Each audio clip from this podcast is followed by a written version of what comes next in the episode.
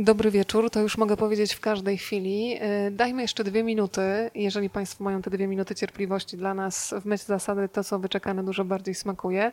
A ja po prostu te pierwsze dwie minuty poświęcę na podziękowania w stronę Muzeum Literatury, które nas gości tutaj w ogrodzie przed Muzeum Broniewskiego. Ja z ogromnym sentymentem tutaj wchodzę, ponieważ e, Władysław Broniewski był patronem mojej podstawówki, nawet wiersz, który jest na ogrodzeniu, konkretne frazy mi poprzypominał. E, ale to miejsce służy nam przez lato między innymi do rozmów o literaturze. Za nami spotkanie z Kubą Ćwiekiem, a przed nami spotkanie z Wojciechem Chmielarzem i jego wyrwą, ale zapewniam Państwa, że w tej rozmowie będziemy skręcać w przeróżne ścieżki. E, I tutaj bardzo dużo też zależy od Państwa, bo zawsze mm, najpiękniej jest wtedy, kiedy Państwo są po prostu częścią tego spotkania i kiedy jest ciekawość w głowie, to proszę ją od razu zamieniać na pytanie dać mi znać ręką. Ja z przyjemnością się podzielę mikrofonem, tak żebyśmy mogli powiedzieć, że jest to nasza wspólna rozmowa i nasze wspólne spotkanie. Więc za dwie minuty startujemy, a już teraz mam nadzieję, że Państwo się czują e, przywitani. Będziemy przytulać słowem, ale też podsycać apetyt na więcej, bo wyrwa to już jest coś, co pewnie tak mentalnie od Wojtka jest mentalnie daleko, prawda? Bo już dużo rzeczy się mm, wydarzyło po tym, y, po tej książce, więc za chwilę te wszystkie sytuację będziemy przed Państwem odsłaniać. No, ja też podziękuję muzeum e, za zorganizowanie tego spotkania, bo ja w ogóle strasznie lubię spotkania z czytelnikami, bo dla Państwa te książki piszę i, i zawsze dobrze widzieć po prostu mm, osoby, dla których, dla których tworzę, dla których, dla których e, te, te książki wydaję. I bardzo dziękuję Państwu, że Państwo tutaj przyszli w ten no jednak taki nerwowy trochę czas, tak? I, i strasznie fajnie, że się udało e, to spotkanie w, w bezpieczny sposób zorganizować na, i, i, na powietrzu e, i z odpowiednim dystansem. Mam nadzieję, że jakoś miło te mm, najbliższe godzinę co najmniej e, spędzimy. Jestem do Państwa dyspozycji. No nie wiem, kiedy mówisz, że zaczynamy, to zacznijmy. Powiedziałeś, że jest bezpieczny dystans społeczny, ale emocjonalnie zapewniam, dzisiaj będziemy bardzo blisko. To może nie ma co przedłużać. E, oficjalne powitania za nami. E, ja tutaj z niepokojem patrzę na Twoją córkę. Czy to no się właśnie. dobrze skończy dla niej i dla drzewa? Słuchaj, nie wiem, czy to jest czas na reakcję, czy nie. Teraz jest autor, jest w roli autora, nie rodzica, więc nie wiem. Nie, okej, okay, ja na nią patrzę i jest stabilnie. Lena jest stabilnie? Okej. Okay. Jest stabilnie. Jeżeli chodzi o stabilność, to po tym, kiedy się otwiera wyrwę, to człowiek traci taką stabilność emocjonalną. To może Państwo pozwolą, że zaczniemy od fragmentu, ale zrobię dokładnie to samo co tydzień temu. Zróbmy badania terenowe. Kto z Państwa jest już po lekturze wyrwy, a kto dopiero ma lekturę przed sobą? Przed sobą. Czyli muszę trochę uważać dla tych, którzy jeszcze nie czytali, żeby za dużo nie powiedzieć, ale zdecydowana większość już jest po lekturze. Króciutki fragment, który nas wprowadzi w historię dla tych, którzy jeszcze jej nie czytali. Po raz pierwszy dotarło do mnie, że Janina naprawdę odeszła. W chwili, kiedy stanąłem przed bramą przedszkola i zastanawiałem się, jak powiedzieć córce, że jej mama nie żyje. Wcześniej, i wiem, że zabrzmi to banalnie, wszystko to zdawało mi się cholernie nierzeczywiste. Ale za kilka minut miałem stanąć przed moją małą dziewczynką i wypowiedzieć słowa, które na zawsze zmienią jej życie. Wiedziałem, co się stanie. Wiedziałem, że wybuchnie płaczem Wiedziałem, że będzie płakać przez wiele dni, przez wiele nocy.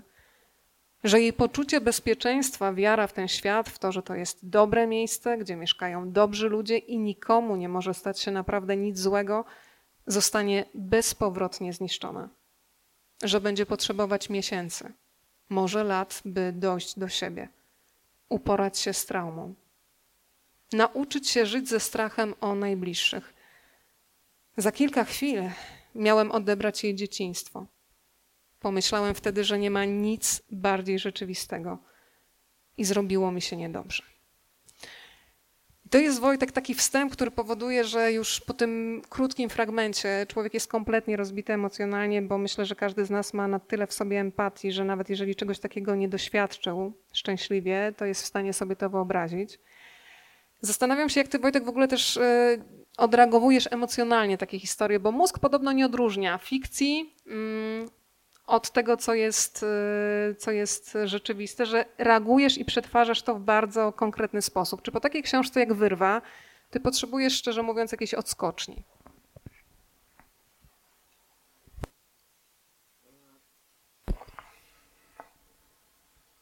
Nie no, E, e,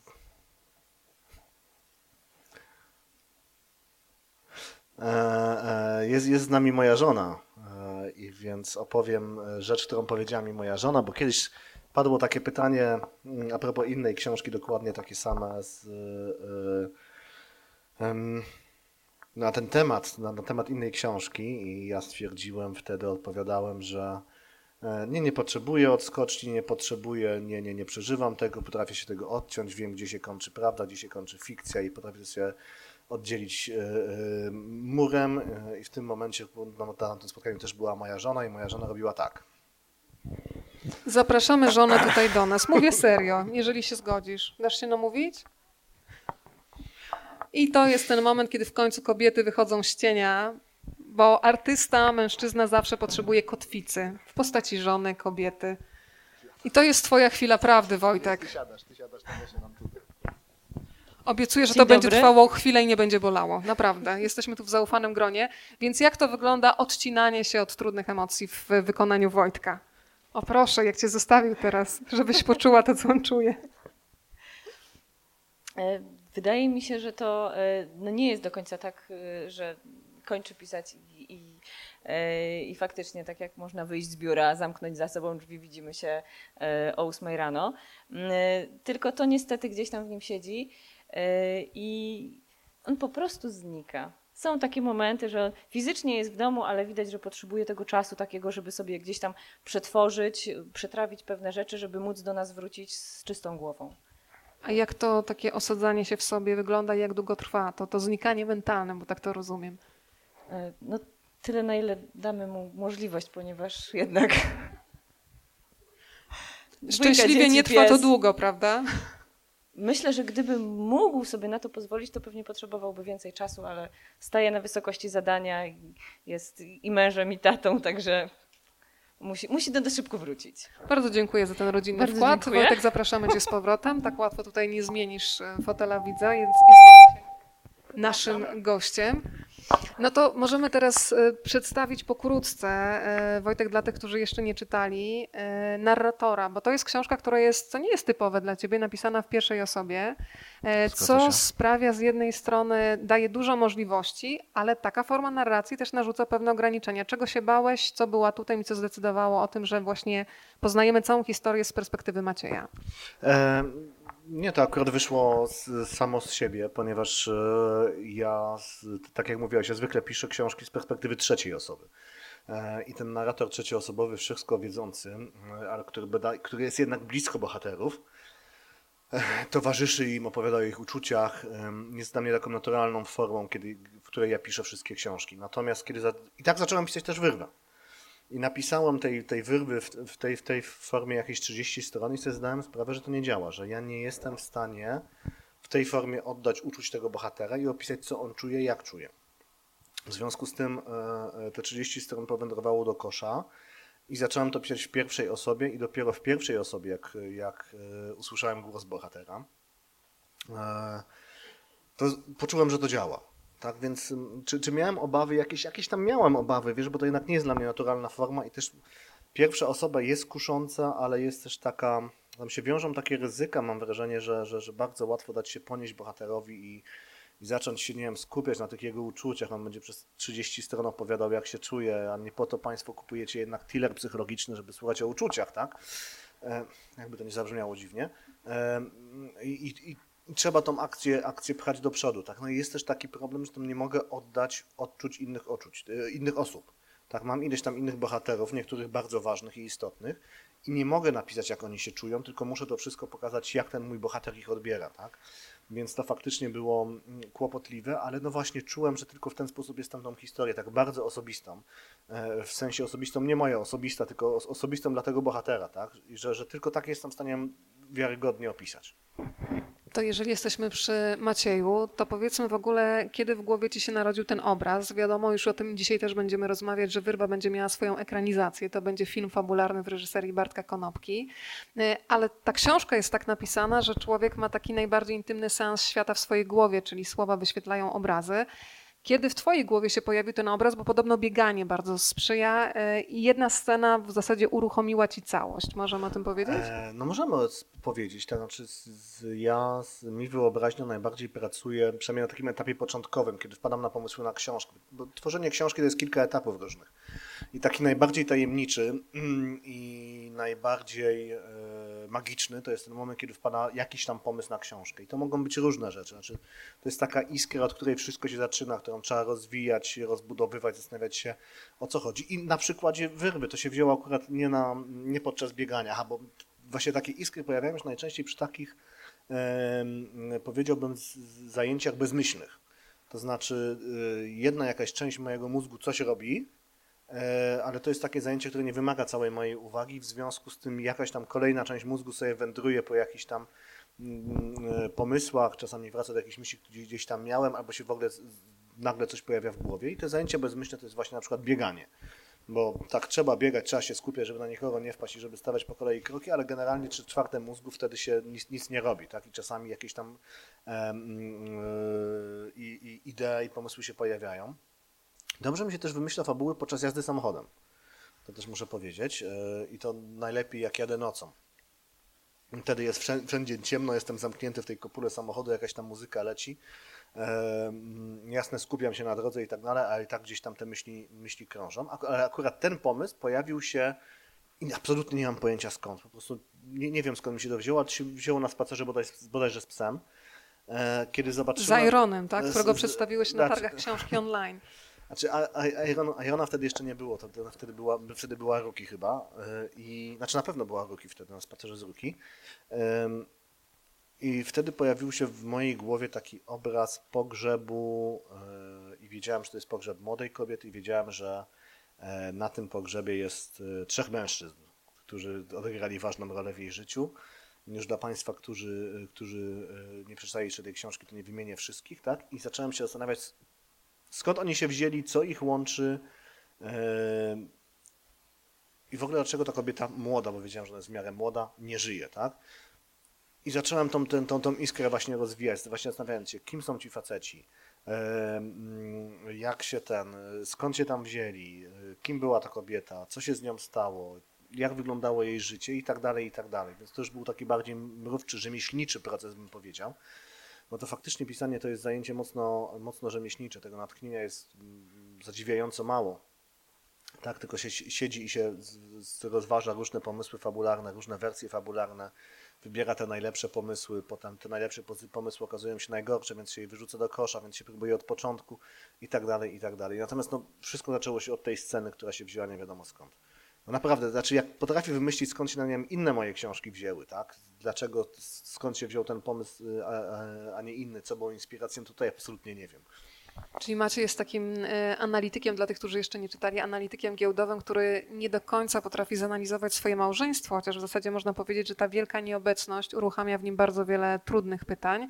To powiedzmy kilka słów e, o Janinie, która jest trochę taką niespełnioną dziennikarką i Czy on, tak, niespełnioną dziennikarką, Tak. niespełnioną pisarką. pisarką. Tak. No i tutaj są jakieś mocno moje przeżycia e, opisane, mm, ponieważ e, ja kiedyś próbowałem robić karierę dziennikarską i na szczęście mi się to nie udało, ponieważ już tak patrząc z perspektywy czasu, e, dziennikarzem nie byłem najlepszym. Natomiast to, ta przygoda dziennikarska, która trwała kilka lat, jakby, i zresztą skończyłem dziennikarstwo, mam znajomych w mediach, to mi dało tak, taki plus, że Znam dziennikarzy, mniej więcej wiem, jak wygląda sytuacja mediów w Polsce teraz, co, co, co jakby znalazło odbicie w, w tej postaci i też zresztą e, i też zresztą... Zaraz znajdę ten e, fragment, w którym e, mówisz o dziennikarstwie. Tak, z- z- czułością się, wielką. za- zaraz się podzielę, podzielę anegdotą na ten temat. E, i, I z tego co wiem, co, co mi mówią znajomi dziennikarze, ten obraz jest ciągle wierny tak? I, i ciągle prawdziwy. Tak, natomiast tam gdzieś się znalazł taki fragment, gdzie, gdzie Maciej, główny bohater, mówił, że, że, że większość e, znajomych ze studiów Janiny zdało sobie sprawę, że dziennikarstwo nie jest zbyt wymagającym kierunkiem i zaczęli jakieś inne drogi i tak dalej. I ten fragment sfotografowała moja koleżanka ze studiów, wysłała mi e, z informacją, że jest e, w cudzysłowie urażona, tak, i że deprecjonuje jej e, nasz kierunek studiów, a potem mi powiedziała, że jej szef e, bo ona teraz pracuje jako rzecznik prasowy znanej firmy. Jej szef kiedyś, który skończył te same studia, powiedział, że nie, de, nie deprecjonuje się własnego kierunku studiów, nie kala się własnego gniazda i od tej pory, tak jeśli chce, żeby inni ją traktowali poważnie, ma mówić, że te studia były trudniejsze niż studia prawnicze czy medyczne.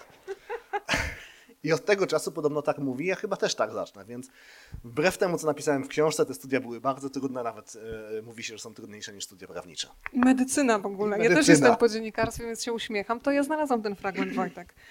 Mm, To dotyczy studiów dziennikarskich na Uniwersytecie Warszawskim, a więc dokładnie tego, o czym mówiłeś. Tamtejsi studenci często rozpoczynali drugi kierunek, bo oględnie rzecz ujmując, studia dziennikarskie należały do mało wymagających, a przy tym co bystrzejsi z nich wcześniej się orientowali, że dziennikarstwo dziennikarstwem, ale fajnie mieć jakieś konkretne wykształcenie.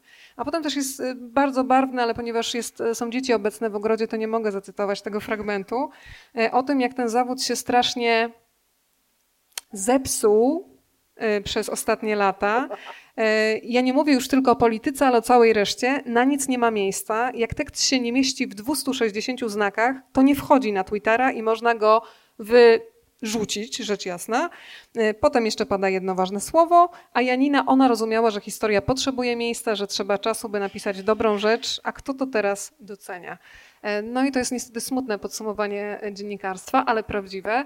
No to skoro jesteśmy przy tej niespełnionej e, Janinie, ty powiedziałeś mi podczas jednego ze spotkań, że dużo takich frustracji ze swoich pierwszych etapów pisania wrzuciłeś w Janinę i powiedziałeś Wojtek bardzo cenną rzecz, że wmawia nam się bardzo często, że wystarczy ciężka praca i będzie sukces, ale to nie zawsze tak jest. Możesz napisać świetną książkę, ale nikt jej nie zauważy. No bo właśnie, bo Janina oprócz tego, że, mm, że jest dziennikarką niespełnioną, to jest także niespełnioną pisarką i, i te, te opisy z jej początków e, e, kariery pisarskiej, kiedy, kiedy ona opowiada, jak za, za, za zaliczkę, za pierwszą książkę, to mm, zaprosiła znajomych na kolację i to właściwie było wszystko. To, to, to są dokładnie moje przeżycia. E, Potem te mm, informacje na temat tego, w ilu egzemplarzach ta książka się sprzedała. Ja też, te, też to pamiętam, jak zobaczyłem swoje pierwsze rozliczenie sprzedaży podpalacza i stwierdziłem, że okej, kupi, kupili to moi rodzice, jacyś znajomi moich rodziców, chyba nikt więcej, nie? No tak, tak by z tej liczby wynikało. A co więcej, e, wydawnictwo mi wtedy mówiło i oni mieli rację, biorąc pod uwagę, że byłem debiutantem, ta książka się bardzo dobrze sprzedaje, nie? Ale co pokazuje, że ten rynek książki jest w ogóle w Polsce bardzo, bardzo trudny. Myślę, że teraz jest w ogóle trudniejszy niż, niż wtedy, kiedy ja, ja startowałem. E, I, I potrafi mocno dać po głowie. E, I natomiast tak, ja mam w ogóle takie wyrażenie, że e, ja miałem w życiu szczęście po prostu. I, I w tej karierze pisarskiej miałem w życiu szczęście tak ze, ze, ze dwa, trzy razy, tak? Znaczy przede wszystkim miałem szczęście do wydawców. Znaczy raz, że trafiłem do, najpierw do wydawnictwa Czarne, a potem, że trafiłem do wydawnictwa Marginesy. Tak? I, I to były takie, mm, oba te przejścia, oba te trafienia do wydawcy były bardzo szczęśliwe, bo, bo, bo wydawnictwo Czarne bardzo mnie nauczyło pisać przede wszystkim, o czym, o czym może jeszcze będzie czas odpowiedzieć, a, a, a wydawnictwo Marginesy no jednak bardzo mi też w pisaniu pomogło, ale też jakby w popularyzacji jednak te, te, te, tego, co ja piszę, tak? bo od, od, od tego przejścia jakoś zaczął się jakiś naprawdę skok sprzedażowy moich książek. Ale też powiem Państwu szczerze, że jak sobie kiedyś analizowałem to, zresztą całkiem niedawno, kiedy zastanawiałem się, bo jednak jestem teraz, w tej chwili, jednym z, najpopularniejszych autorów, chyba nie tylko kryminałów w Polsce, tak, tak patrząc zupełnie obiektywnie. Kiedy widzieliśmy się ostatnio, byłeś numerem jeden na liście Empiku przed Kingiem. Tak. Co tak, bardzo tak, tak, sklebiało tak twojemu ego, bo King Bardzo. jest jednym z twoich ulubieńców. To ba bardzo sklebiało mojemu ego i w ogóle pier pierwszy, pierwszy szczyt tej listy bestsellerów Empików zaliczyłem, tak, i, i, i to było. Więc, więc obiektywnie tak patrząc, jestem jednym tam, nie wiem, może nie w pierwszej dziesiątce, ale, ale na początku drugiej dziesiątki jestem mniej więcej, jeśli chodzi o popularność autorów w Polsce. Jak się zastanawiałem, dlaczego ja, a nie których z moich kolegów, y, nie, nie wiem, Mariusz Czubaj, czy, czy Jędrzej Pasierski, czy Marcin Wroński, dlaczego ja, a nie oni, to szczerze mówiąc nie potrafiłem sobie odpowiedzieć na to pytanie e, inaczej niż właśnie tak, że ja miałem szczęście, a im się gdzieś po drodze powinęła noga. Tak? I to nie z nich winy, tylko z, z, z, z, winy, z winy losu. Tak? I, I to jest coś właśnie, mm, co zawarłem właśnie w tej historii Macieja, tak? i w historii Janiny, tak? że to jest dwójka ludzi, którzy w pewnym momencie podjęli, wiecie Państwo, złe decyzje. Ale nie, nie złe de- decyzje, drobne złe decyzje. Nie były takie złe decyzje w stylu, nie wiem, wypiłem tylko trzy piwa i mogę wsiąść za kierownicę, tak? I potem się rozbijam na drzewie. Nie, to były drobne, drobne złe decyzje na zasadzie takiej, że ojej, e, e, to Maciej podjął złą decyzję. Okej, poczekam z awansem, żeby się bardziej skupić na to, żeby pomóc przy dziecku. Tak? I to się potem jakby na nim strasznie zemściło w, w życiu zawodowym, powodując różne frustracje. Z kolei Janina miała pecha po prostu tak, w życiu, bo tam gdzieś jest, wydała pierwszą książkę, w, książ- w powieści jest napisane, że, to, że miała szansę na ekranizację, do tej ekranizacji nie doszło, ale gdyby doszło, to ona byłaby w zupełnie innym miejscu życiowym niż było. Tak? Więc jest- to książka o ludziach, którzy tak naprawdę nie mieli szczęścia, szczęścia w życiu takiego drobnego i to się potem e, e, na nich e, mś- mści, bo, bo czują, że mogliby oczekiwać od życia czegoś, czegoś więcej. A ja naprawdę to jest taka lekcja, któ- którą my, moje pokolenie boleśnie, boleśnie przerabia. Nie wiem, czy się Państwo ze mną zgodzą. Nie wiem, tutaj widzę tutaj pa- parę osób, które tak na oko jest mniej więcej moimi równolatkami, że nam wmawiano właśnie to, to o czym mówiłeś, że jeśli tylko będziemy wystarczająco ciężko pracować, to osiągniemy w życiu sukces, bo się otw- otworzyła Unia Europejska, otworzył się przed nami cały świat i, i, i w ogóle mamy nieograniczone możliwości.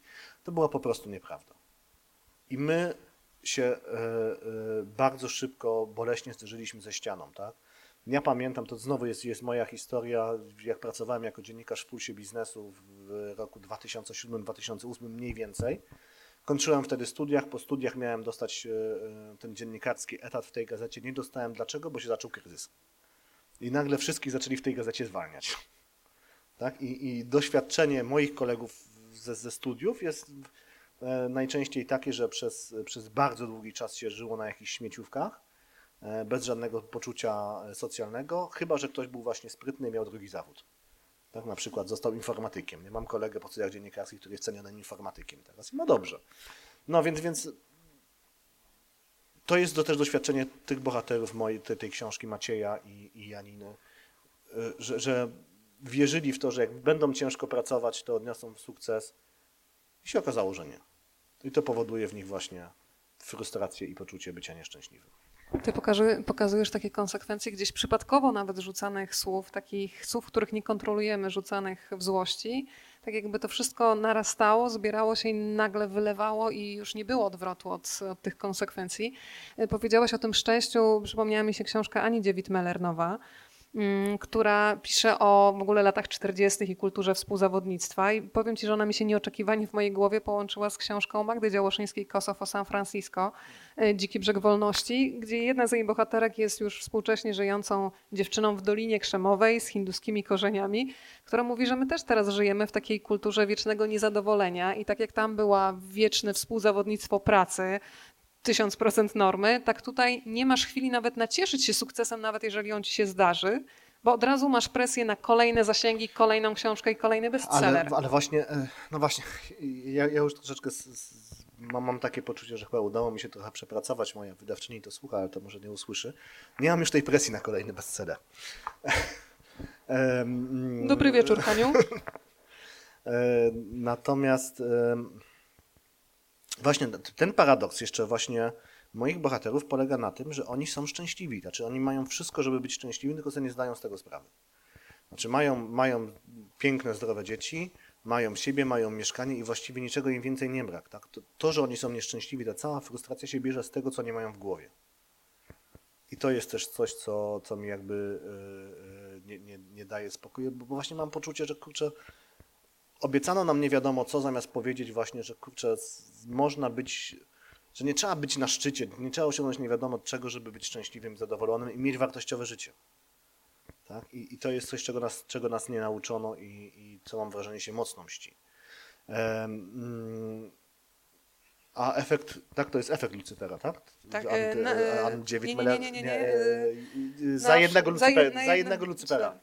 Anny Dziewit Od Meller. jednego? Od Od jednego, od jednego. Lucyfera. Lucyfera, Bardzo tak. serdecznie Państwu polecam, bo to jest też bardzo, bardzo dobra książka. Która którą- nas przenosi od lat 40 którą- też do współczesności. Którą przede wszystkim mężczyźni powinni przeczytać, bo to jest taka Oj, książka, tak. która, ten, która naprawdę daje, daje facetom po łbie. Duża opowieść o pozornej emancypacji, szczególnie w latach 40., ale też bardzo ważne wątki dotyczące ciała. Ale do książki Ani wrócimy. Będę miała zresztą przyjemność porozmawiania z nią na ten temat e, podczas Big Book Festiwalu. Teraz jesteśmy zanurzeni w wyrwie, Wojtek. Powiedzmy to głośno i wyraźnie, że wyrwa będzie zekranizowana. Wspomniałam już tutaj nazwisko Bartka Konopki. E, Zastanawiam się, jak wyglądały pertraktacje. Dzisiaj przypominałam sobie, że kiedy tylko skończyłam wyrwę, napisałam do Wojtka krótkiego SMS-a, że gdybym była producentem, to już bym stała w kolejce. Wojtek odpisał krótko i z uśmiechem, już dzwonią. E, Więc jak długo trwały te pertraktacje? E, I powiedz, jakie to są uczucia? Czy po tym, po sukcesie Żmijowiska, to już jesteś na tyle zepsuty sukcesem, że myślisz, a, znowu dzwonią? Czy jednak jest coś takiego, że to już nawet nie serial, tylko film fabularny, więc znowu pięterko wyżej? Nie, znaczy moje, wiesz, moje takie mm, odczucia odnośnie, wiesz, ekscytacji związanych ze światem filmowym tak naprawdę ukształtowały się i wyrzeźbiły przygody związane z ekranizacją Farmy Lalek. Ponieważ kilka lat temu, e, i to już wiele lat temu, e, Farma Lalek miała zostać zekranizowana, tak? I był wybrany reżyser, był wybrany, e, była wybrana obsada, e, był napisany scenariusz, zresztą całkiem niezły, nie, nie mojego autorstwa, więc mogę powiedzieć, że był, że był, że był naprawdę dobry. I, I co więcej, producent zdobył już dotację z PISF-u i do tego zdobył tą dotację z PISF-u dokładnie w takiej formie, jak, jak, w takiej wysokości, jaką chciał. Znaczy, żeby była jasność, bo. Okej, to zaraz to opowiem. I w tym momencie, jak już wszystko było załatwione, wszystko było zrobione, były wybrane lokalizacje, była ten wizja zrobione, te wszystkie wizje, jeździli do tych nieszczęsnych kowar i, i pokazywali się tam wszyscy w kowarach, kibicowali strasznie, że fajnie będą kowary, które były pierwowzorem Krotowic Farmy Lalek, będą na, na, na, na filmie. W tym momencie producent stwierdził, a jednak nie kręcimy. Koniec, zamykamy projekt. Tak? Y, Przy czym, y, żeby była jasność, PiS działa tak, że, że on y, zwraca pieniądze. Znaczy, jak ktoś dostaje dotację, to nie dostaje od razu tych pieniędzy na konto, tylko mu się je zwraca w ramach postępów produkcji. Tak? Więc to nie jest tak, że oni wzięli pieniądze i zamknęli projekt, tylko w ogóle te pieniądze dostał kto inny z PiS, żeby tutaj była jasność. Więc to doświadczenie nauczyło mnie, że z ekranizacji można się cieszyć wtedy, kiedy ona już powstanie. Bo wtedy tak naprawdę jest szansa, że to naprawdę trafi do, trafi do widzów. Tak? Więc Wiesz, Bartek Konopka, Krew Boga robił 7 lat ten film. no właśnie, więc, więc, ale zrobił w końcu. Zrobił więc, i tak, i więc, to bardzo odważny. Więc film. wiesz, więc tutaj jak myślę o ekranizacji e, Wyrwy, to, e, to, to oczywiście bardzo się z tego cieszę, że, że udało się sprzedać prawa, że tutaj dostali pieniądze, ale na development póki co, czyli prace scenariuszowe, właśnie jakieś wybieranie lokacji i tak dalej. Czy to zaowocuje produkcją fabularną? Nie wiem. Tak, na pewno z każdego etapu będę się bardzo cieszył, ale jestem już naprawdę taki ostrożny z dystansem. Jak to powstanie, to fajnie, a jak nie, no trudno. No. Ja naprawdę, wiesz, skupiam się w tej chwili e, na pisaniu kolejnych książek, tak naprawdę, na pisaniu kolejnych fabuł, na, na dotarciu do czytelnika. I to jest dla mnie najważniejsze. Wiesz, chyba, chyba ten sukces, tak, sukces Żmijowiska zepsuł mnie o tyle, że już nie mam takich jakichś wiesz, presji filmowych, ekranizacyjnych. Już to mam za sobą, zrobiłem to już, spoko, zostało. Czy Państwo widzieli żmijowisko? To i można. y, Tutaj widzę, że jedna osoba widziała, druga widziała. Kolejne mogą y, zobaczyć spokojnie, bo ten film jest dostępny. Y, To Wojtek, pochwal się, że ty też tam jesteś aktorem, nie tylko współscenarzystą, ale przełomowa rola w polskiej kinematografii. Tak, przełomowa rola w polskiej kinematogra- kinematografii człowieka, który najpierw rozbija e, drewienko na ognisko, a potem przynosi kiełbaski. E, I co więcej, to jest rola mówiona.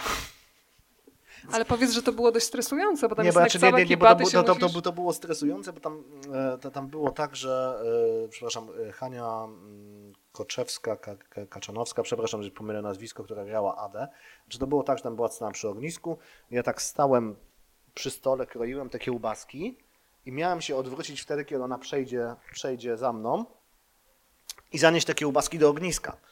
E, I tak, e, i to było stresujące o tyle, nie, nie, że ta rola była jakoś bardzo trudna, tak, natomiast wiecie Państwo, na, na planie e, tam jest kilkadziesiąt osób, tak, i w związku z tym, jeśli ja się odwrócę w złym momencie, będziemy musieli powtarzać ujęcie i te kilkadziesiąt osób będzie musiało zostać dłużej w pracy przeze mnie, bo się źle, źle odwróciłem z cholernymi kiełbaskami.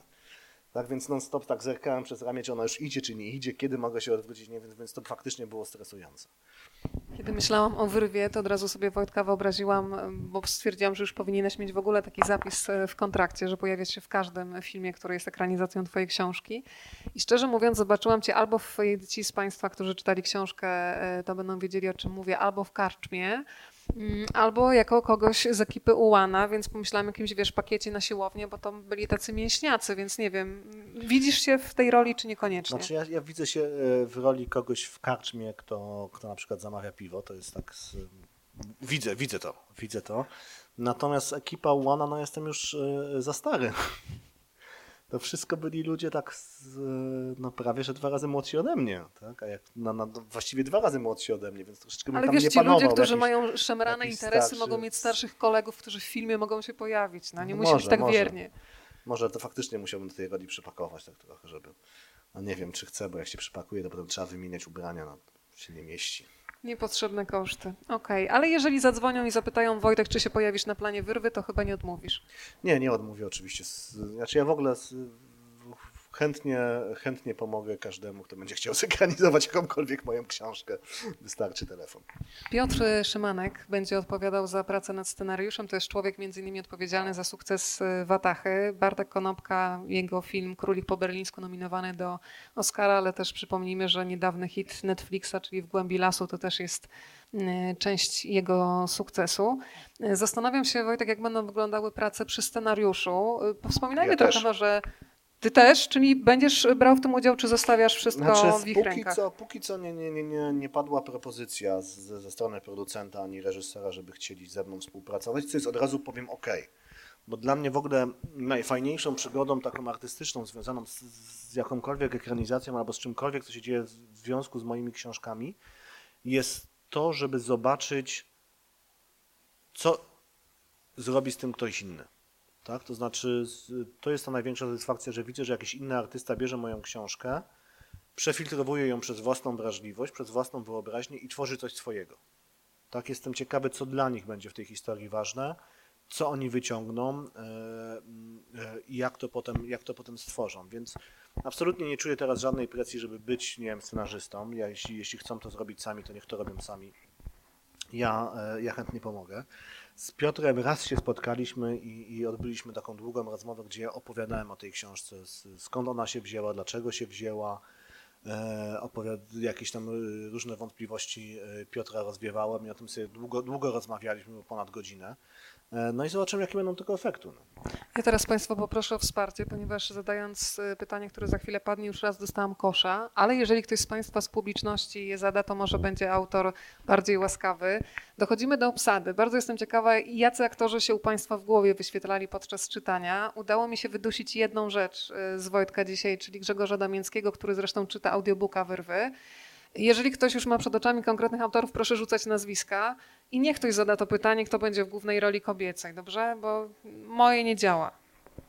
No i tutaj chyba też nie zadziała, bo ja po prostu nie wiem. No, tam, tam nikogo sobie Ale nie mówimy o wyobrażam. marzeniach, no. Marzenia Ale- ale zawsze nawet- warto na- na- mieć. na- ale nie mam takich marzeń. Wiesz, to, nie wiem, z, z, no, no, naprawdę nie. nie z, uważam, że, że, że Grzegorz Damięcki fantastycznie by się sprawdził w roli, w roli e, Kamila Wojnara. Kamila Wojnara.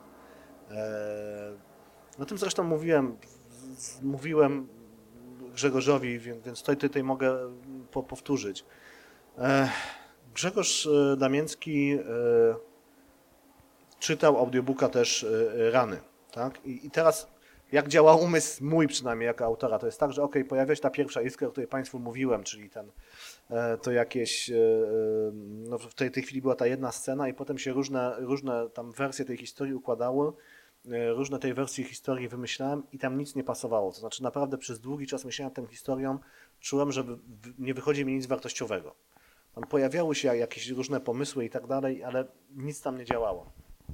Zdarzają się takie momenty, kie- kiedy z jakiegoś powodu e, na, na, następuje takie wstrzyknięcie i po takim długim noszeniu tej historii w, głowie, kiedy naprawdę jest chaos, tak, i, i nawet się zastanawiałem, czy tego nie porzucić i skupić na czymś innym, coś się dzieje i nagle to się wszystko układa. Więc w związku z tym, że Grzegorz Damięcki czytał audiobooka Rany, zostałem zaproszony przez magazyn Pocisk na wspólną sesję zdjęciową z nim. E, I, I ja wpadłem na tą sesję zdjęciową, jakoś się strasznie śpieszyłem na pociąg, tam mieliśmy 40 minut i dosłownie cz- cztery słowa z Grzegorzem Damięckim e, za, za, zamieniłem, ale w tym momencie po tych czterech słowach, po, tym, po zobaczeniu go, e, po tej krótkiej rozmowie stwierdziłem, ok, znaczy chcę takiego bohatera, chcę takiego Kamila Wojnara, który, który jest ak aktorem, wygląda jak Grzegorz Damięcki i potem jak stwierdziłem, że chcę kogoś takiego w tej historii, to mi się naprawdę, w, nie wiem, w dwie godziny wszystko ułożyło w głowie. Nagle wiedziałem, że to mam, więc w związku z tym to, to, to moje marzenie także, żeby tam Grzegorz Damięcki wystąpił, żeby przeczytał tego audiobooka e, i żeby wystąpił w filmie, to, to się bierze też stąd, że wiem, że gdyby nie to przypadkowe tak naprawdę spotkanie i, i te trzy zdania, to by ta książka nie powstała. Tak? Ale to jest też za, zastanawiające, że po prostu takie drobne, nie, nie, niespodziewane spotkania, jak mogą wpłynąć na proces twórczy. No, więc, stąd się bierze. Natomiast ja podczas pisania sobie nie wyobrażam aktorów, nie wyobrażam sobie, kto mógłby to zagrać. Nie mam żadnych, wiedzą Państwo, marzeń właśnie takich, czy, czy, czy... Nie, w ogóle jakoś y, ten, ten świat filmu nie do końca jest dla mnie jakby powabny, nie do końca jest e, interesujący. My po prostu, wiedzą Państwo, ja zawsze marzyłem o tym, żeby być pisarzem i w ogóle móc jeszcze w ogóle żyć z pisania. A nigdy nie miałem takich marzeń, żeby być scenarzystą, czy reżyserem, czy aktorem. Więc, więc po prostu gdybym miał, to bym pisał scenariusze, a nie książki. Przed spotkaniem Wojtek też powiedział mi ważną rzecz, nigdy o tym nie myślałam, że gdyby tak patrzeć o, na status pisarza i, y, i scenarzysty, to jednak pisarzy No nazwi... tutaj, tutaj znowu wchodzimy w Prawda? kwestię ego, nie? Prawda? Że em, No bo jeżeli możemy mówić Mu- o ja, znanych ja mówię, tak. powtarzam to pół żartem, ale też pół serio i tutaj na to pół serio e, położę nacisk w tej, w tej chwili. Ile Państwo znają nazwisk polskich scenarzystów? Myślę, że tak, z jedno, dwa, tak? Krzysztof. Rak przychodzi mi automatycznie do głowy, a potem, tak jak ci powiedziałam, musiałam się dłużej No, mi, zastanowić. mi, przy- mi przychodzi do głowy trochę więcej, to dlatego, że są ludzie, z którymi pracowałem, z którymi na różnych etapach swojej kariery się spotkałem i tak dalej, ale e, e, gdybym, gdybym miał wymienić takie jedno, które, które mi przychodzi do głowy szczerze, to by był pewnie...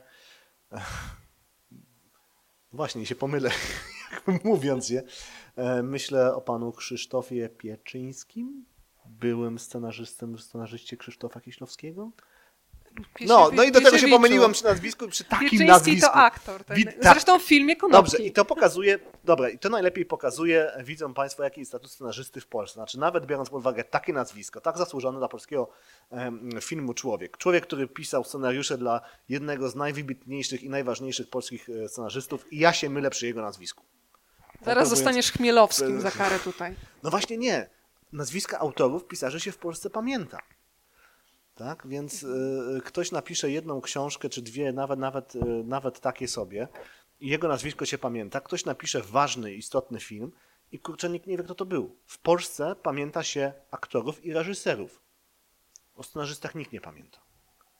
Tak? I to jest też coś, y, co, co, co mm, y, no właśnie, no, no tak daje do myślenia. Po prostu na, naprawdę, ja wiem, że praca reżysera jest bardzo ważna. Wiem, wiem, ile oni, wiem, ile wnoszą ak- aktorzy i tak dalej. Natomiast mamy jakiegoś człowieka, który poświęca rok, dwa lata swojego życia na napisanie scenariusza, zostawia tam kawał zdrowia, kawał swojego własnego życia. Te scenariusze czy są. Praca w ogóle scenarzysty są, jest bardzo trudna, bo kurczę, w Polsce też jest tak, że każdy wie, jak napisać scenariusz, tylko nie scenarzysta. Znaczy, jak są spotkania scenariuszowe, to akurat, e, czy to jest moja historia, a i nie jest moja historia. Czy jest moja historia, bo ja to przeżywałem, ale nie jest moja historia, bo to nic się nie wydarzyło przez Miowisko, od razu powiem. Przez Miowisku miałem to niewiarygodne szczęście, że współpracowałem z niewiarygodnie kompetentnymi scenariuszowo osobami. Dana Łukasińska, prawda? Dana Łukasińska, tak, ale też myślę tutaj właśnie o Łukaszu Palkowskim, czy o Leszku Bodzaku, producencie filmu, y, którzy oczywiście mnóstwo tam z, kręcili głowami, rzucali jakieś swoje pomysły, ale oni akurat takie bardzo kompetentne te uwagi swoje mieli, ale pracowałem też z ludźmi em, przy projekcie, które nie, wysz, które nie wyszły, którzy mieli mnóstwo uwag do tego, co ja piszę, jak ja piszę, one wszystkie były beznadziejne. Tak? I naprawdę miałem wrażenie, że te wszystkie osoby, z którymi ja teraz mam, one lepiej wiedzą, jak napisać ten scenariusz, tylko nie ja i nie wiadomo, czego ja go piszę. Tak? I to jest niesamowicie frustrujące. I tak sobie myślę o tych biednych scenarzystach, którzy muszą się z tym wszystkim zmagać, którzy pracują w, w, w, ten, w ten sposób i potem nikt nawet nie wie, nie wie jak oni się nazywają. Jest nie, musi być niewiarygodnie frustrujące i to też, no właśnie pół żartem, ale też pół serio, też jest powód, dla którego ja nie za bardzo się widzę jako scenarzysta. To robimy teraz wirtualny ukłon w stronę pana Piesiewicza, ale wracamy do Dany Łukasińskiej. Powiedz, jak wyglądała ta przygoda i ta współpraca, bo jednak sposób pisania scenariuszowego jest kompletnie inny od tego, który ty znasz na co dzień. E, Czy to jest też coś, co cię czegoś nauczyło i potem być może możesz to włączać już teraz do, do książek i ułatwiać tym samym kolejnym scenarzystom? Nie, w ogóle, Przykłady. znaczy od, od, razu się odniosę do tego ostatniego. Ja w ogóle nie, pisząc książkę, nie myślę w ten sposób, żeby komukolwiek ułatwiać y, ekranizację. bo e, kiedy piszę książkę, to chcę pisać, jak, napisać jak najlepszą książkę. I podczas pisania książki nie obchodzi mnie, czy ta książka będzie do zekranizowania, czy, czy będzie łatwa do zekranizowania, czy nie, czy może ktoś będzie chciał zrobić z nią grę komputerową, spektakl teatralny. Nie obchodzi mnie to ani trochę. Ja się skupiam na napisaniu jak najlepszej historii, jak najlepszej książki dla Państwa. Tak? Co się potem z tym wydarzy, to już jest mniej- mniejsza z tym. Tak jak powiedziałem, ja zawsze chciałem być pisarzem i na tym się skupiam. Tak? I w ogóle uważam, że pisanie książki pod scenariusze filmowe, tak żeby to było łatwe do zekranizowania, to szkodzi po prostu literaturze, szkodzi książkom. Bo język literacki i język scenariusza filmowego to są dwa zupełnie różne języki, to są zupełnie różne mm, e, e, narzędzia, to zupełnie inna wrażliwość i zupełnie inaczej się za, opowiada nimi historię. I współpraca z Doną Łukasińską przy Przyżmiowisku była mi właśnie bardzo potrzebna, bo ja wiedziałem, że ja tego języka scenariuszowego nie znam. I kiedy zaczęliśmy rozmawiać z, z Leszkiem Bodzakiem mm, o ekranizacji, on mnie spytał, czy ja bym chciał pisać scenariusz, to ja powiedziałem mu, że okej, chętnie napiszę scenariusz, ale daj mi jakiegoś, dopo, e, daj mi jakiegoś e, dobrego scenarzystę, który tak naprawdę będzie moim szefem. Tak, tak mu powiedziałem. Ktoś, kto będzie mnie nadzorował, kto będzie mnie pilnował, kto mi pokaże, jak to robić, bo ja wiem, że ja pewnych rzeczy nie potrafię. I tak nawiązaliśmy współpracę z Doną Łukasińską. No i faktycznie dużo się od niej nauczyłem właśnie, jak, jak, jak pisać scenariusze, jak myśleć obrazami, jak myśleć, jak myśleć scenami. E, No i to było... No, no jest to jednak zupełnie inny język, wiecie Państwo, bo tam ja mogę... Tak, taki prosty przykład, tak, ja mogę po prostu napisać tak, jednym zdaniem, że, że bohater był smutny. Tak, żeby oddać to scenariuszu, e, ja w ogóle mm, mm, muszę stworzyć zupełnie osobną scenę, z której będzie wynikać, że on jest smutny, tak? Tam się musi coś takiego wydarzyć, gdzie, gdzie, będziemy, gdzie będzie widać, Państwo zobaczą na ekranie, że on jest smutny. To musi być jakiś dialog, jakieś wydarzenie, cokolwiek. Nie mogę napisać tylko jednym zdaniem. Odpada w ogóle monolog wewnętrzny, który w moich książkach jednak się, się pojawia. Szczególnie wyrwie, tak? bo tam w ogóle mamy jeden wielki monolog wewnętrzny. Tak? Nie ma monologu wewnętrznego. Ale też jeśli chodzi o historie kryminalne, to tam pojawiała się taka trudność, że my się cały czas zastanawialiśmy, czy my dostarczamy widzowi wszystkie informacje, które są mu potrzebne do zrozumienia tej historii. Bo w przypadku książki Państwo zawsze możecie się zatrzymać, pomyśleć sobie, ok, czegoś nie zauważyłem, coś zapomniałem, zapomniałem, cofnąć się te 50 czy nawet 100 stron wcześniej jeszcze raz przeczytać scenę. Na, podczas oglądania filmów jestem pewien, że nikt z Państwa nie cofa, bo nie rozumiecie jakiej sceny, tylko lecicie dalej, nie? Więc ym, i co, co jest naturalne, tak? Po prostu film się ogląda inaczej, seriale się ogląda inaczej, dlatego musimy, jakoś się cały czas zastanawialiśmy, rozmawialiśmy, czy widz na pewno zauważył wszystkie informacje, ten, czy, czy, czy, mm, mm, czy, czy on to wszystko zrozumie, tą historię. Nie dlatego, że widz jest głupi, tylko właśnie, czy, czy dostał wszystkie, wszystkie potrzebne mu informacje. Tutaj mam taki świetny przykład. Jest taki mm, film z Hugh Jackmanem i Jake'em Gyllenhaalem, em, takiego reżysera z- kanadyjskiego, co zrobił teraz Blade Runnera, Villeneuve, przepraszam. I to się nazywa Labirynt. Czy, czy, czy w labiryncie? Chyba labirynt, tak? I Jest y, o tym, jak y, córka Hugh Jackmana zostaje porwana i Hugh Jackman, e, z- Jack Gyllenhaal prowadzi tam śledztwo w sprawie tego porwania, zaginięcia e, i Hugh Jackman też jej na własną rękę szuka. I to jest naprawdę, ja to oglądałem po raz pierwszy, uważam, to jest bardzo dobry film. E, e, I oglądałem go pierwszy zachwycony. E, Jego takim właśnie, jak wtedy go oglądałem, to taką jego subtelnością i koronkowością. Bo ta naprawdę ta intryga jest dosyć skomplikowana, e, ale równocześnie jest bardzo subtelna, przynajmniej tak mi się wydawała i koronkowo zrobiona, że na końcu dostajemy naprawdę satysfakcjonujące rozwiązanie. A potem, znając już to rozwiązanie, oglądałem kiedyś ten film po raz drugi. I zobaczyłem, że tam nie ma żadnej subtelności. Znaczy to się tak wygląda przy pierwszym na, naprawdę było tak, że reżyser dosłownie brał widzę za mordę, przykładał, brał nas za twarz, nie, przykładał do ekranu i mówił, patrz, patrz teraz, to jest ważne, zapamiętałeś ten szczegół, zapamiętałeś, ok, puszczamy cię, jedziemy dalej z akcją. Ale to widać dopiero po raz, e, po, po drugim oglądaniu tego filmu, e, ki- kiedy już wiemy o co chodzi, wiemy co, co, jest ważne. I to jest właśnie niewiarygodne, tak, że, że, że właśnie jak napisać scenariusz, który, przy, który tak naprawdę właśnie jest właśnie taki bardzo, nie chcę powiedzieć, że toporny, ale na pewno nie jest subtelny, a jednak się subtelny wydaje. Tak? I my też przed tym, przed tym e, mie- mieliśmy tą trudność tak, podczas pracy nad Żmijowiskiem. Jak to zrobić właśnie, żeby Państwo jako widzowie zapamiętali informację, która padła w trzecim odcinku, żebyście ją pamiętali w ósmym jeszcze. Nie? Więc, więc było mnóstwo takich rozkmin, więc, więc no, trudna jest ta praca scenarzysty, nie zazdroszczę im. To Wojtek powiedział, że nie ma marzeń obsadowych, a czy Państwo mają marzenia obsadowe związane z Janinem albo na przykład z rodzicami Janiny? W roli matki Bernadette Machałek-Szemińską bym z przyjemnością zobaczyła taką aktorkę kompletnie też zapomnianą. Ona grała w, u Andrzeja Barańskiego chociażby, w, jeżeli chodzi o filmy fabularne w Tabu z Grażyną Szapołowską. Myślę, że by była cudowna, bo ona ma w sobie rodzaj takiego spokoju, a jednocześnie stanowczości. Czy ktoś z Państwa miał jeszcze jakieś konkretne propozycje? Na razie nie. Dobra, to wracamy. Teraz powiedziałeś, że potrzebowałeś szefa e, w przypisaniu scenariusza. Tutaj tydzień temu był Kuba Ćwiek i nie wiem, czy wiesz, ale Kuba powiedział między innymi takie zdanie, bo zapytałam go, czy w waszym wspólnym projekcie, bo powstaje wspólny projekt Wojciecha Chmielarza i Jakuba Ćwieka, jest ktoś w rodzaju szefa i Wojtek powiedział, i nie Wojtek, tylko Kuba powiedział coś takiego. Ja założyłem z uczciwości i z wygody, że kapitanem jest Wojtek. Ja nie wiem, czy on o tym wie, bo nie rozmawialiśmy nigdy o tym, więc informuję cię teraz, jak na to reagujesz. No jak widać, znaczy ja z, e, w ogóle nie, nie czuję się tam kapitanem ani, ani szefem. Ja bardzo lubię zdanie z uczciwości i z wygody.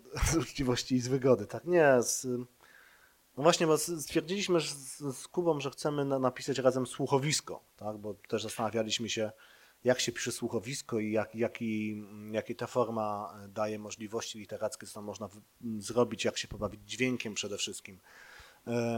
To jest takie ciekawe doświadczenie. Stwierdziliśmy też, że chcemy się pobawić w horror.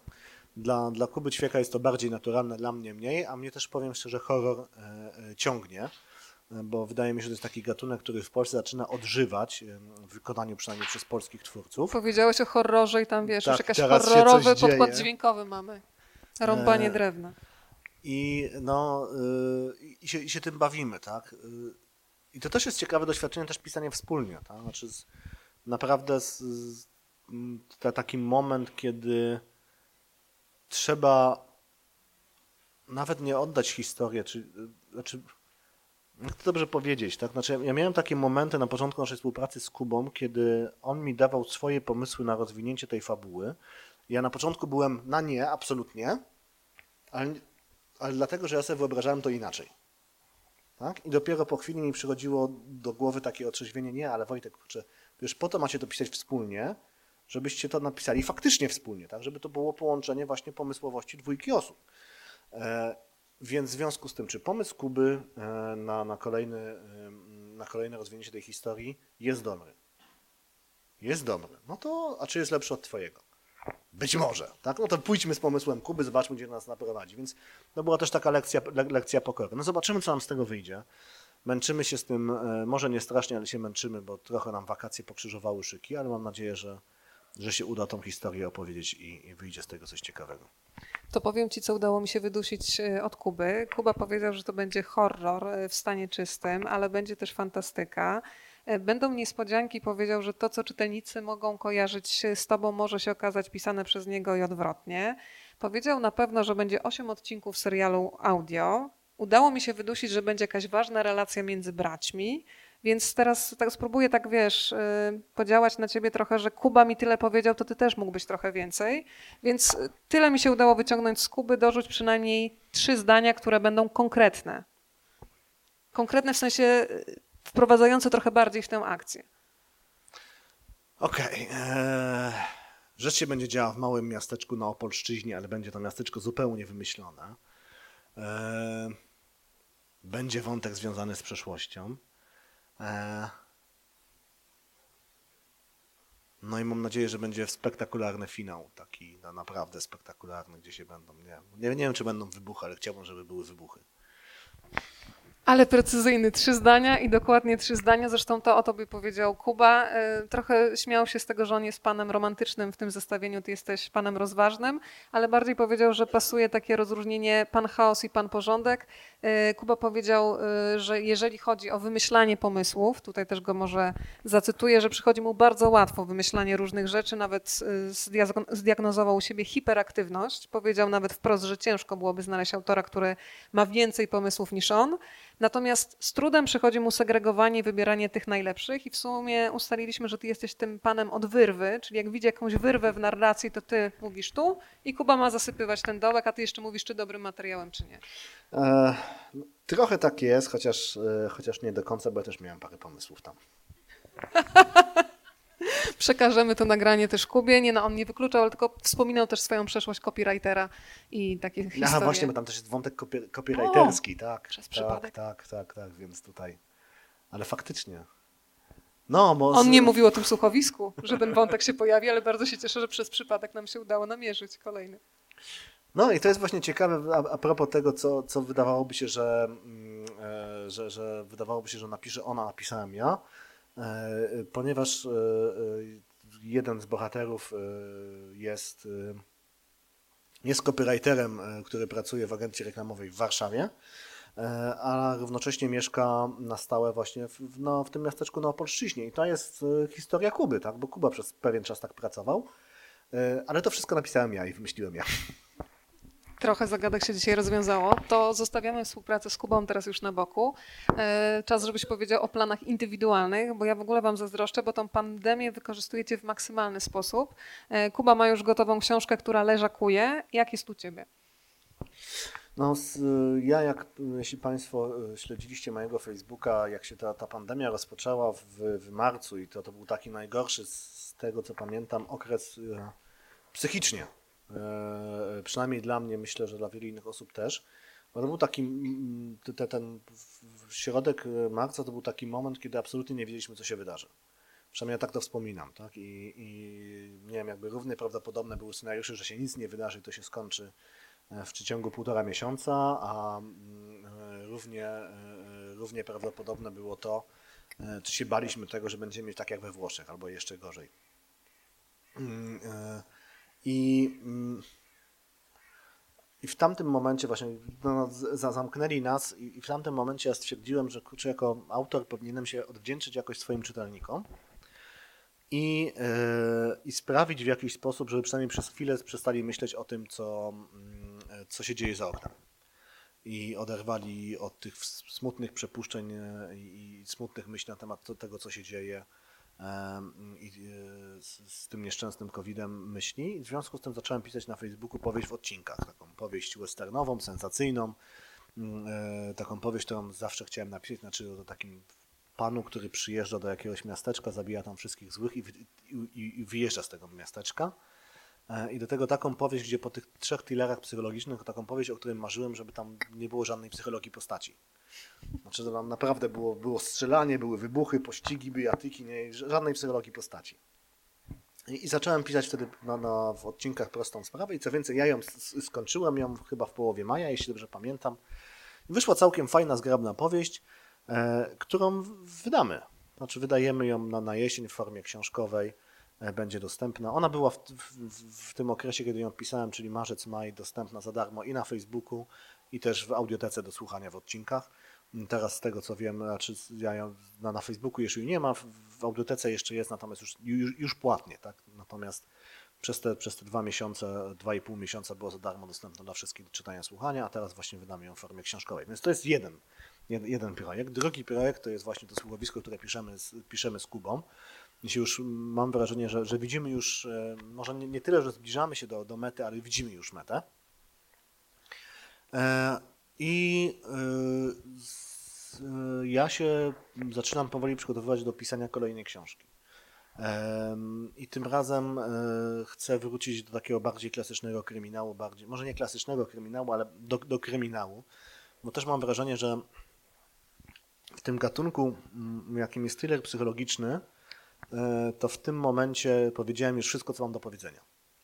Tutaj mówiliśmy dużo o tym pokoleniu 30, przepraszam bardzo, 30, 30 parulatków, o tym, jakie mamy problemy i tak dalej. I po prostu wiem, że gdybym napisał kolejny thriller psychologiczny, psychologiczny, to bym znowu pisał to samo.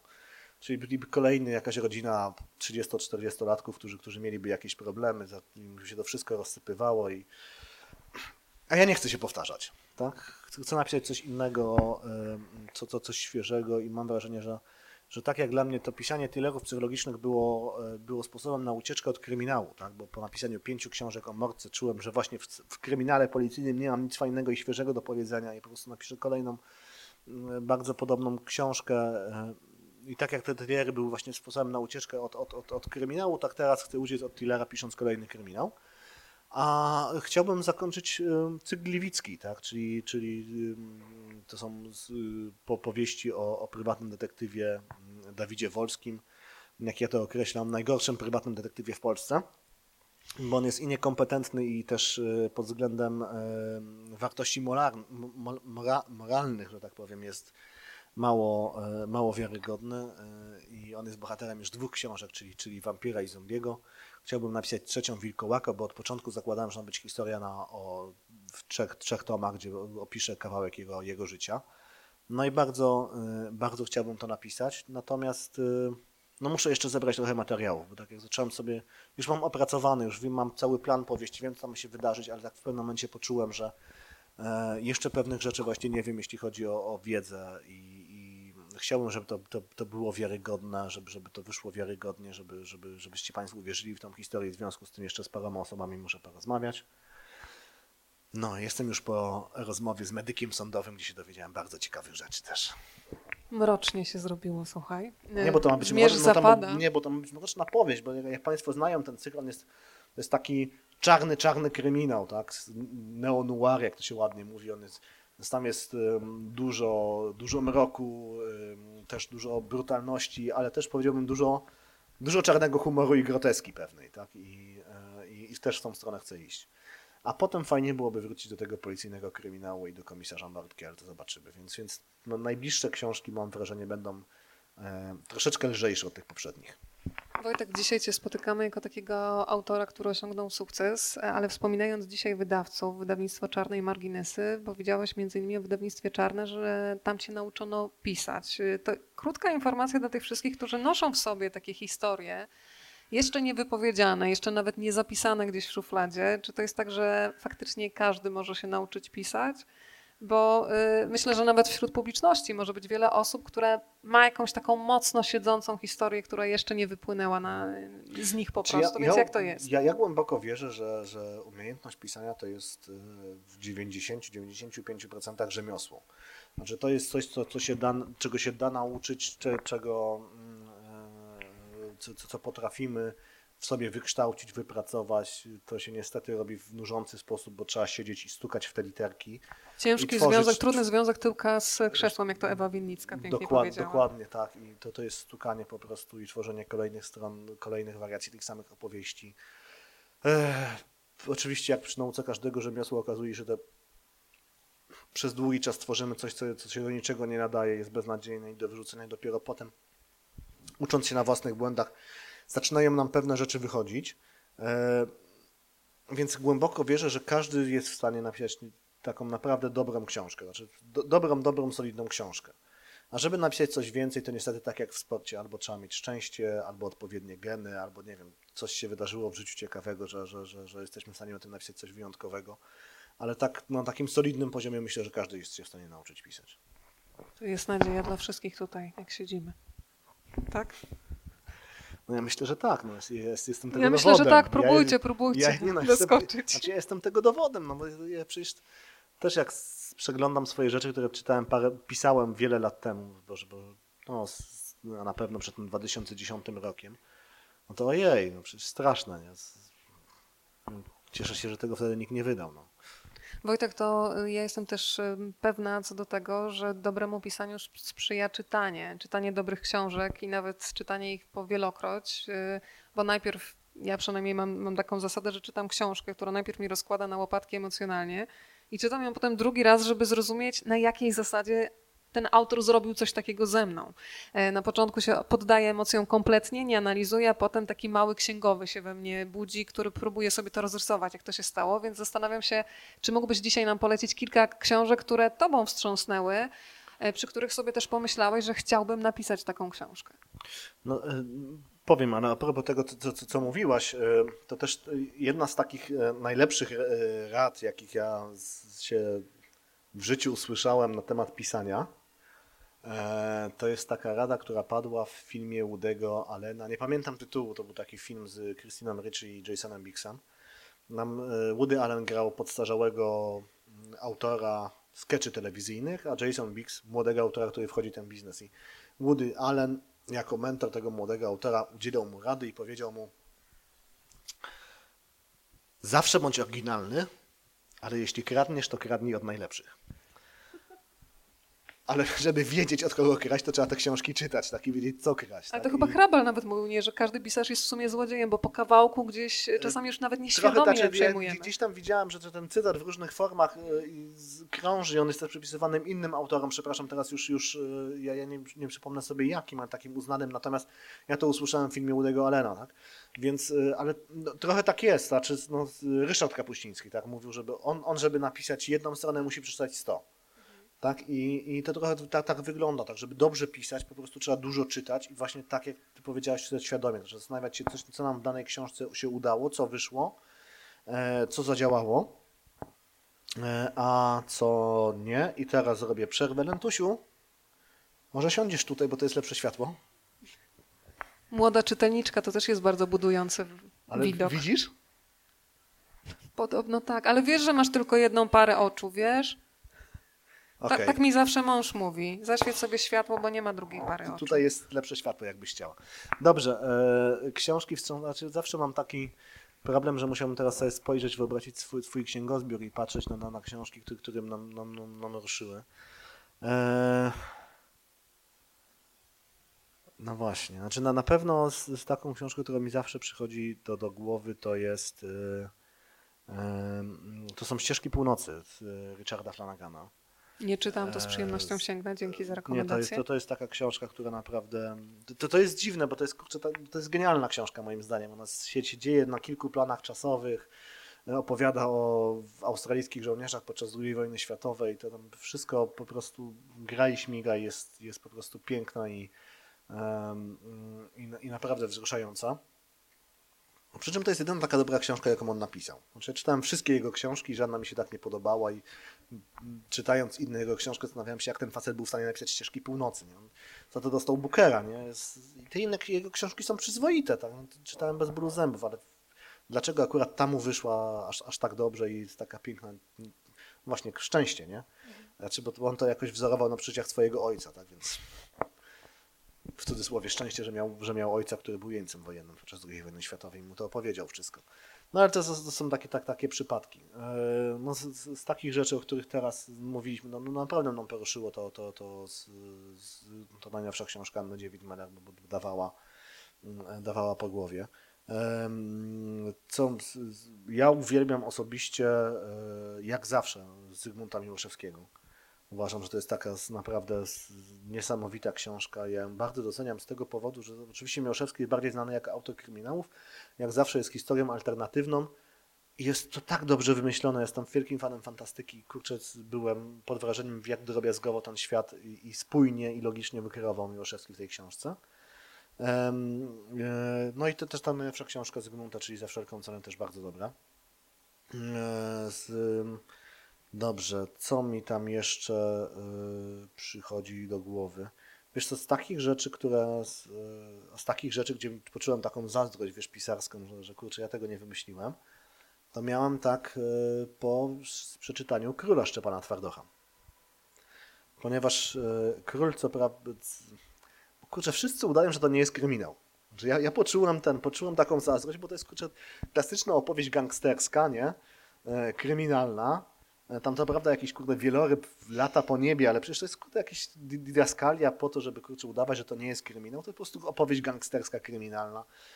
I kurczę, dlaczego ja tego nie wymyśliłem, ja na to nie wpadłem, to nie wiem.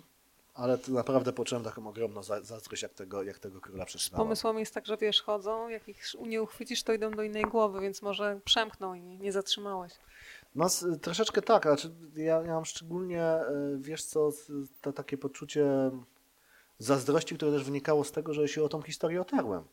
To znaczy ja troszeczkę te, ten świat polsko-żydowski e, w przedwojennej Warszawie poznałem podczas studiów, podczas pisania swojej pracy magisterskiej, e, gdzie, gdzie czytałem różne takie wstrząsające historie na temat tego, e, do jakich tam dochodziło zdarzeń, jak, jak się Żydzi z Polakami lali na ulicy, jak chodziły w, w, w ruch bomby, noże i pistolety, więc wiesz co, gdybym za tym poszedł, to, to może bym tego króla kiedyś napisał, ale nie napisałem tak oczywiście. E, I, i bardzo, bardzo Szczepanowi Twardochowi e, tego, tego zazdroszczę.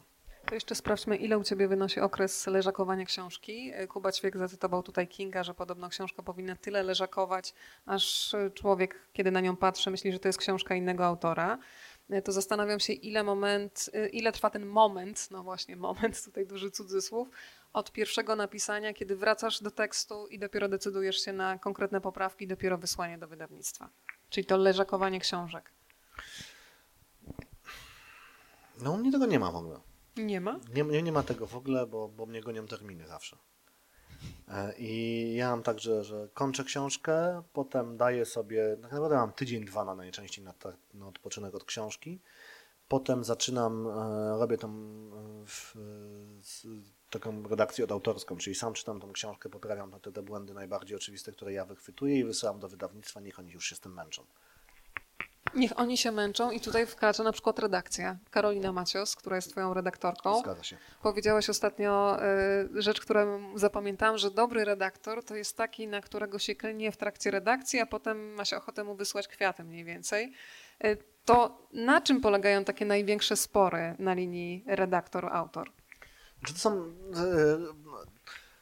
e, różne rzeczy, tak? Mnie najbardziej wkurzają jakieś takie drobiazgi. Znaczy z- w zasadzie, że ktoś sprawdza, nie wiem, sprawdza Karolina. Teraz wymyślam taki przykład, ale sprawdza Karolina, nie wiem, że e, wtedy w kinach był inny repertuar, nie? I trzeba ten repertuar zmienić. Nie? Kurczę, ja mam takie... Skąd ja, jak mam teraz wymyślić, co trzy lata temu leciało w kinach, nie? Z- No ale to cudowny redaktor. no, To cudowny tylko redaktor, redaktora tak, mieć. tak, tak, tak. Ten, nikt na to nie zwrócił uwagi. Potem się okazuje, że wszyscy na to zwracają uwagę i znowu się okazuje, że miała rację. I są, są, są takie rzeczy. Nie, no, więc, więc, więc y, pamiętam, To powiedz jeszcze o kilku takich lekcjach pokory odebranych od redaktora, znaczy to jest z- ważne. Z, z, y, znaczy, nie no, z, y, e, z takich, które mi udzieliła Karolina, to najlepiej pamiętam pracę przy Cieniach, tak? Czy- czy- czyli tej pierwszej książce, którą wydawałem w wydawnictwie Marginesy. Tam Karolina, wys- wysłałem wydawnictwu tą książkę, dostała tą książkę Karolina, poprawiła ją i e, wysłała mi takiego maila z zapytaniem Wojtek, słuchaj, ale tam jest jedna taka rzecz i, i e, dlaczego Mordka nie robi tam czegoś, tam już nie powiem Państwu czegoś, nie? I ja zacząłem jej pisać takiego długiego maila, gdzie, gdzie chciałem jej wytłumaczyć, jak działa powieść kryminalna, co robią bohaterowie w ogóle i na czym to polega. I tak w połowie tego maila zdałem sobie sprawę, że tak naprawdę odpowiedź na jej pytanie jest e, taka, że gdyby Mordka zrobił tą jedną rzecz, o którą ona pyta, ta książka skończyłaby się po 30 stronach. Po prostu Karolina e, znalazła mi e, dużą lukę fabularną w tej książce. Tak? I potem spędziliśmy cały dzień dzwoniąc do siebie, zastanawiając się, jak ją załatać. E, I ją załataliśmy. To nawet nie było aż takie trudne, jak, się wydawało na początku, kiedy miałem taki okres pańki, kiedy się zdałem sprawę, że kurczę, dałem ciała i, i nic z tej książki nie uratuje, trzeba ją wyrzucić na śmieci. Nie udało nam się ją uratować i, i, i to wszystko tam, tam działa fajnie i gra i śmiga. E, No, natomiast to, to, to było takie ten. e, Ta, takie rzeczy redaktorzy też, e, też znajdują, więc, więc tak było ten. Tak było w przypadku e, e, cieni. E, W przypadku wampira, kiedy ten, ten pierwszy mm, część cyklu Gliwickiego, to wtedy jeszcze w wydawnictwie Czarne Tomasz Zając powiedział mi, że tam się książka zaczyna od sceny, kiedy matka czeka na syna, żeby on wrócił, bo idą razem na, na mm, e, e, komunię bratanicy, tak? I, I tam redaktor mi napisał, że Wojtek, książka się nie może dziać w tym roku, bo w tym roku w Gliwicach nie było komunii żadnych. Tak, bo wiedzą, był taki dziwny rok związany z tym przesunięciem, kiedy dzieci szły do szkoły, nie? że tam był taki rok, gdzie po prostu nigdzie nie było komunii. Nie? więc, e, e, więc e, musieliśmy przesunąć akcję rok do tyłu, czy rok do przodu, już nie pamiętam, jak, jak to zadziałało. Tak, ale to takie rzeczy. Z, znaczy, redaktor to jest taki człowiek, który. To, no, To jest taki scenarzysta, którego taki nie scenarzysta, pamiętają. dokładnie, Śmietankę dokładnie. spije autor albo reżyser, nie? To Tak chyba jest. dobra analogia. Tak jest, tak jest, więc zwracajcie uwagę Państwo na to, kto redaguje książki, bo, bo dobrze redaktorzy są naprawdę na wagę z, z, złota, bo redaktor to nie jest tylko taki człowiek, który sprawdza pisownię i sprawdza, czy na pewno jest dobre, czy jest u otwarty, czy u czy nie ma powtórzeń. Nie. Zadaniem redaktora jest sprawdzenie całej książki pod kątem e, jej fabularnym też, tak, czy tam fabularnie wszystko, wszystko się zgadza, czy jedno wynika z drugiego. Wyłapywanie y, luk, sprawdzanie właśnie logiki postępowania postaci, tak? I oczywiście te rzeczy językowe też, ale, ale nie tylko, tak? Ale też no właśnie sprawdzanie faktografii, tak? Czy na pewno, czy na pewno te wszystkie fakty, y, fakty tam, tam działają, tak? Czy, czy, czy, czy, nie- czy nie, y, nie popełniłem jakiegoś błędu, nie wiem, podając datę jakiejś tam, jakiejś tam bitwy, tak? To, to, to, to jest robota redaktora, więc jest naprawdę niesamowita, niesamowicie ciężka praca i jest, jestem wdzięczny Karolinie, że ona o dwa odwala przy, przy moich książkach. Chociaż powiem nieskromnie, że nie ma aż tak dużo pracy. Bardzo dobrze. Przy okazji też warto wspomnieć, że Karolina Macios też niedawno napisała książkę, też pisałeś tak zwaną polecajkę e, na okładce. Czarne Morze, dobrze Czarne pamiętam? Morze, tak, tak. I to jest bardzo fajna książka, też taki thriller psychologiczny e, z nadzieją na kontynuację. E, Wielka litera to bodajże wydała, więc Dokładnie też dobre tak. wydawnictwo. Dokładnie, bo ja potwierdzam jak najbardziej. Moja stajnia, że tak powiem.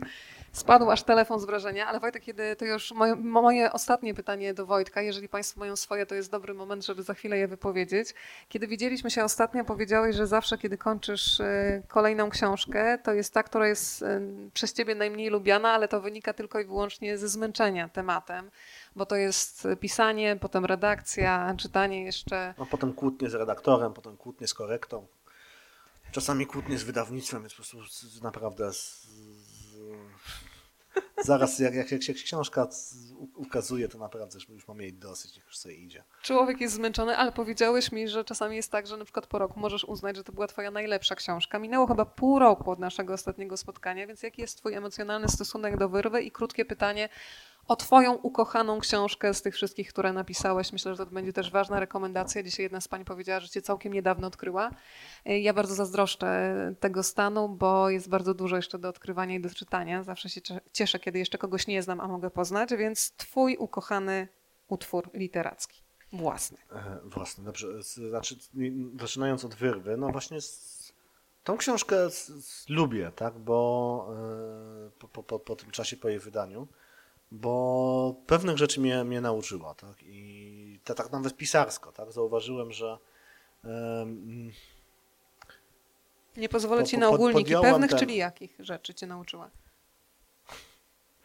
Okej, to, to dziwnie zabrzmi, ale Państwo, którzy znają moje inne książki, to, to, to wiedzą. E, okazało się, e, proszę sobie wyobrazić, że czytelnicy lubią happy endy. Moje e, inne książki kończą się różnie. W związku z tym jest ich. e, I oczywiście ich odbiór jest dobry, tak, ale jak zobaczyłem, jak ludzie reagują na wyrwę, tak, gdzie, e, gdzie, gdzie ona ma takie. Znaczy tam generalnie jest, jak nie powiedzieć, że tam jest jednoznacznie szczęśliwe zakończenie, ale mamy poczucie, że, No nie przesadzaj, że to jest, że, wiesz... że, ale e, mamy poczucie, że, brokatowy że, że, że, że coś się zakończyło, tak, no, bohater się czegoś nauczył tak, i może iść dalej w swoim życiu. Tak. Jest to najbliżej happy endu, pewnie jak się mogę zbliżyć. Ludzie bardzo dobrze na to zareagowali. Bardzo dobrze zareagowali na tą książkę myślę właśnie, że ze względu na to zakończenie, które daje jako, jakoś w końcu nadzieję tak, na, na, na przyszłość na te, dla tego bohatera, a pewnie nie tylko. Więc to jest takie coś, co mnie mocno zaskoczyło, co pokazuje, że autor potrafi, nawet, nawet taki, który wydał pan, parę książek, że może być e, e, wyjątkowo e, ślepy i, i nawet głupi.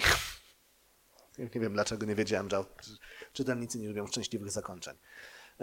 Więc, więc to jest coś, czego, czego, się, czego się nauczyłem tutaj. Tak? I, no i też na, narracja pierwszoosobowa, tak, którą próbowałem po raz pierwszy, się okazuje, że się da. I też daje jakieś fajne możliwości. A ta ukochana twoja książka ze wszystkich? Wojciecha Chmielarza? Wiesz co, z, y, przede wszystkim, y, znaczy ja lubię swoje trzy książki, tak, tak najbardziej. Znaczy po pierwsze jest to Osiedle Marzeń z, z komisarzem Mordką, przy czym uważam, że to nie jest najlepsza opowieść z komisarzem Mordką, ale to jest właśnie moja, moja, moja ulubiona, E, bo ona jest napisana bardzo świadomie. Znaczy ja wiedziałem pisząc każdą scenę, co chcę osiągnąć, y, co chcę zrobić i, i co ma z tego wyjść. Jest to też moja pierwsza książka, gdzie jest tyle humoru. Zresztą tam, tam jest kilka scen, które do dzisiaj mnie, e, mnie bawią i, i się dużo po prostu nauczyłem właśnie też pisarsko podczas jej pisania. Drugą taką książką jest Zombie, mm, czyli z tego cyklu Gliwickiego, bo, bo tutaj po raz pierwszy tak chyba się tak po raz pierwszy poczułem, że tak mocno wgłębiam się w, w psychologię postaci i, i rozumiem, co te postacie chcą zrobić, dlaczego postępują tak, jak nie inaczej i, i jakoś się mocno zaangażowałem w tę książkę. A trzecią jest Żmiowisko, tak, gdzie, gdzie uważam, że Żmiowisko jest taką książką, którą, powiem to nieskromnie, ale e, Tutaj ważne jest rozróżnienie. Uważam, że to jest genialna książka. Znaczy, yy, nie mówię, że ja jestem geniuszem, bo absolutnie nie. Mówię, że ta książka jest genialna. Ona po prostu wszystko gra. Ona ma świetną strukturę, dobrą fabułę, jest dobrze napisana, ma zaskakujące zakończenie. Nam po prostu wszystko się e, dobrze, dobrze złożyło. No po prostu to jest taka książka, którą, którą, y, jak ktoś ma szczęście, to pisze raz w życiu. No. Więc, więc ja, ja to szczęście miałem i będę do, do zawsze, zawsze z niej dumny. Gdybym ja miała wybrać żmijowiska wyrwę, wybrałabym wyrwę, ale to tylko pokazuje, że tak jak w kinie, każdy z nas ogląda ten sam film, przefiltrowuje przez swoją wrażliwość i pewnie różne wątki w nim bardziej grają. No widzisz, mijowisko nie ma happy endu. No. E, Może tak. A Państwo mogą rzucić po jednym tytule ulubionym Wojtka? To zaraz konfrontujemy, jak, jak rozbieżne są to opowieści. Żmijowisko? Żmijowisko, czyli dwa do jednego, słuchaj. Miałeś rację, no muszę się przyznać. Drodzy Państwo, jeżeli chodzi o Wyrbę, to Paulina Wilk bardzo esencjonalnie napisała tej książki, że Wojtek Chmielarz tropiąc e, śmierć odkrywa życie i pokazuje ludzi w takich sytuacjach, którzy nagle odkrywają, że stali się nie takimi postaciami, jakimi chcieli być w życiu. E, Zachęcam z całego serca, bo to jest e, taka książka, która bardzo mocno rozwibrowuje emocje. Wojtek, dziękuję Tobie, ale jeżeli teraz Państwo mają ochotę zadać pytanie, to jest ten moment, ten czas. Bardzo proszę. Odpowiedziało mi warczenie tam od sąsiada z ogrodu, więc rozumiem, że Państwo czekają na moment, żeby podpisać już książki i porozmawiać po prostu prosto w oczy z Wojtkiem. Tylko zalecamy, żeby faktycznie Wojtek, jeżeli możesz, zostawimy Cię tu na schodach. Będziemy zachowywać dystans metra na przekazanie książki, dobrze? Dobrze. Jest zgoda. Dobrze, Wojciech patrz- Chmielarz, bardzo dziękuję za to spotkanie. E, A ja bardzo dziękuję Tobie za prowadzenie i dziękuję Państwu za przyjście i jestem do Państwa dyspozycji. Bardzo dziękujemy. Obok jest też stoisko wydawnictwa Margines. Jeżeli ktoś z Państwa jeszcze nie ma książki, a chciałby ją nabyć, to jest oczywiście taka możliwość.